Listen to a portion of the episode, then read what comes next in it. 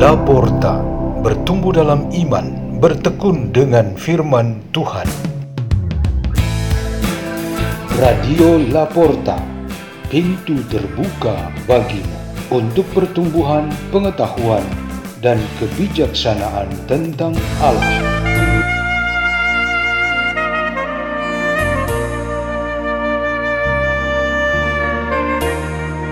Bacaan dan Renungan Sabda Tuhan Hari Selasa Pekan Prapaskah ke-1 8 Maret 2022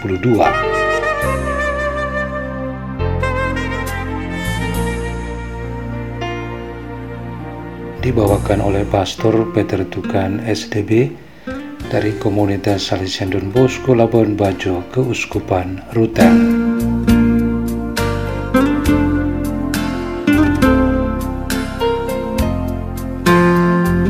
Bacaan dari kitab Yesaya bab 55 ayat 10 sampai 11.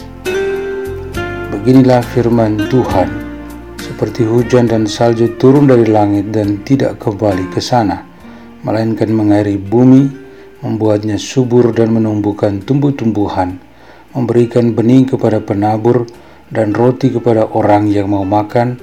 Demikianlah firman yang keluar dari mulutku ia tidak akan kembali kepadaku dengan sia-sia, tetapi ia akan melaksanakan apa yang ku kehendaki dan akan berhasil dalam apa yang kusuruhkan kepadanya.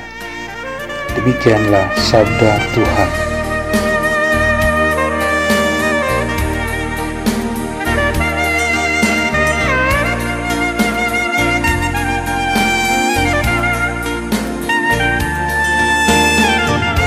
Tema renungan kita pada hari ini ialah Sabda Hidup.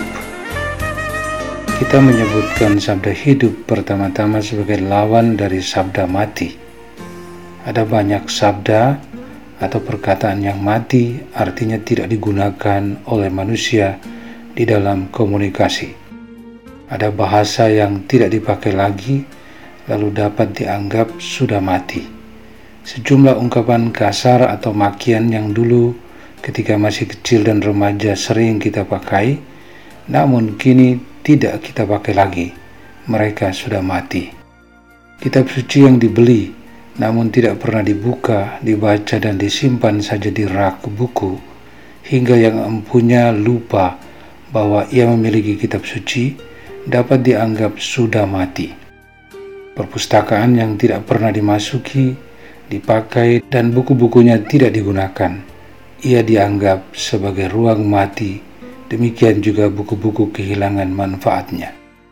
Nasihat, masukan, dan ajaran yang kita terima tetapi langsung keluar dan menguap pergi, atau hanya disepelekan dan tidak pernah direnungkan lalu dihayati, semua itu dianggap mati. Jadi ada begitu banyak kejadian dan pengalaman kita yang menggambarkan betapa sabda atau perkataan yang mestinya dapat digunakan untuk membantu kita hidup dan bekerja ternyata dibiarkan mati. Alasan sabda itu mati adalah bermacam-macam, tetapi kita dapat sepakati bahwa alasan yang paling kuat terletak pada ketidakmampuan kita untuk mengolah dan membuatnya bermanfaat. Tuhan membutuhkan kita manusia supaya sabdanya menjadi hidup. Ia lakukan itu mulai dengan Abraham yang dilanjutkan ke Musa dan para nabi. Putranya sendiri juga menjelma dalam Yesus Kristus dari Nazaret. Melalui pribadi manusia itulah sabda dibuat hidup, berkembang dan berbuah. Oleh karena itu, Kitab Nabi Yesaya menjelaskan bahwa firman itu menjalankan kehendak Allah, yaitu seperti hujan dan salju mengairi bumi, membuatnya subur, membuat tanaman tumbuh, menghasilkan buah, dan dari sana dibuatkan roti untuk dimakan oleh manusia. Sabda Tuhan ditaruh di dalam diri manusia. Kita masing-masing menjumpai Tuhan melalui sabda yang kita baca, dengar, dan bagikan. Misalnya, dari keadaan ketika kita belum tahu berdoa Orang tua dan orang dewasa mengajarkan kita berdoa, membuat tanda salib, dan gerak tubuh yang menunjukkan sikap-sikap berdoa. Kita diajarkan mengucapkan doa Bapa kami, dan terus-menerus kita hafalkan. Demikian juga banyak rumusan doa yang lain. Kata-kata doa tersebut jika tidak kita ucapkan, batinkan dan hayati, mereka hanyalah hampa dan mati.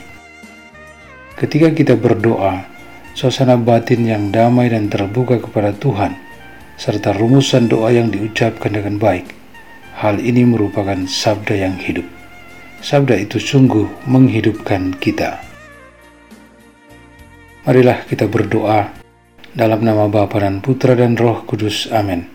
Ya Tuhan, semoga kami tetap menjadi tanah subur bagi sabdamu yang bertumbuh kemuliaan kepada Bapa dan Putra dan Roh Kudus, seperti pada permulaan, sekarang, selalu, dan sepanjang segala abad. Amin. Dalam nama Bapa dan Putra dan Roh Kudus. Amin. Radio Laporta, pintu terbuka bagimu.